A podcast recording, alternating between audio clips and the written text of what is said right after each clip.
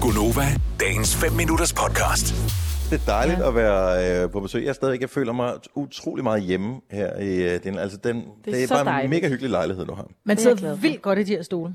Ja, men øh, det er også alt en opgradering for de der hvad hedder det, stole, som jeg øh, kunne præstere i går, da vi var hjemme med mig. Hvad sad vi der? Var det Venerstol? Øh, nej, det, det tror jeg Det tror jeg ikke, det var. Man sidder helvede Det var til i- wienerstole. I, Det er noget, jeg i gør. D-møblerstole. Dem, man sidder dejligt dem her. De er ikke så kønne, men man sidder vildt godt i dem. Mm. Hov, hov, hov. Der, der skal altid lige være en lille håndmad. Man kan jo egentlig børste dem øh, tilbage igen, for det er jo sådan nogle øh, plys, eller hvad hedder sådan noget, velure noget, så skal man jo børste dem. Falsk velure. Yeah. Men nej, jeg... Øh, Okay, så går hvis ikke og man ikke nusser engang, dem. hvis ikke, altså er velure så dyrt, som man, øh, som man bliver nødt til at købe falsk. øh, falsk velure? jeg ved ikke. Jeg ved ikke. Er det ikke falsk velure? Velurdyrene. Det er bare velur.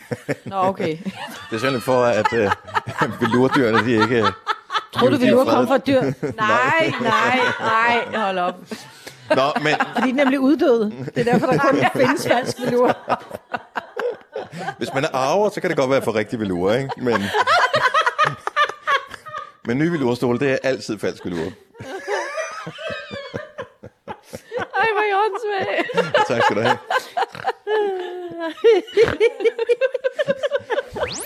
Vil du have mere Gunova? Så tjek vores daglige podcast, dagens udvalgte, på radioplay.dk.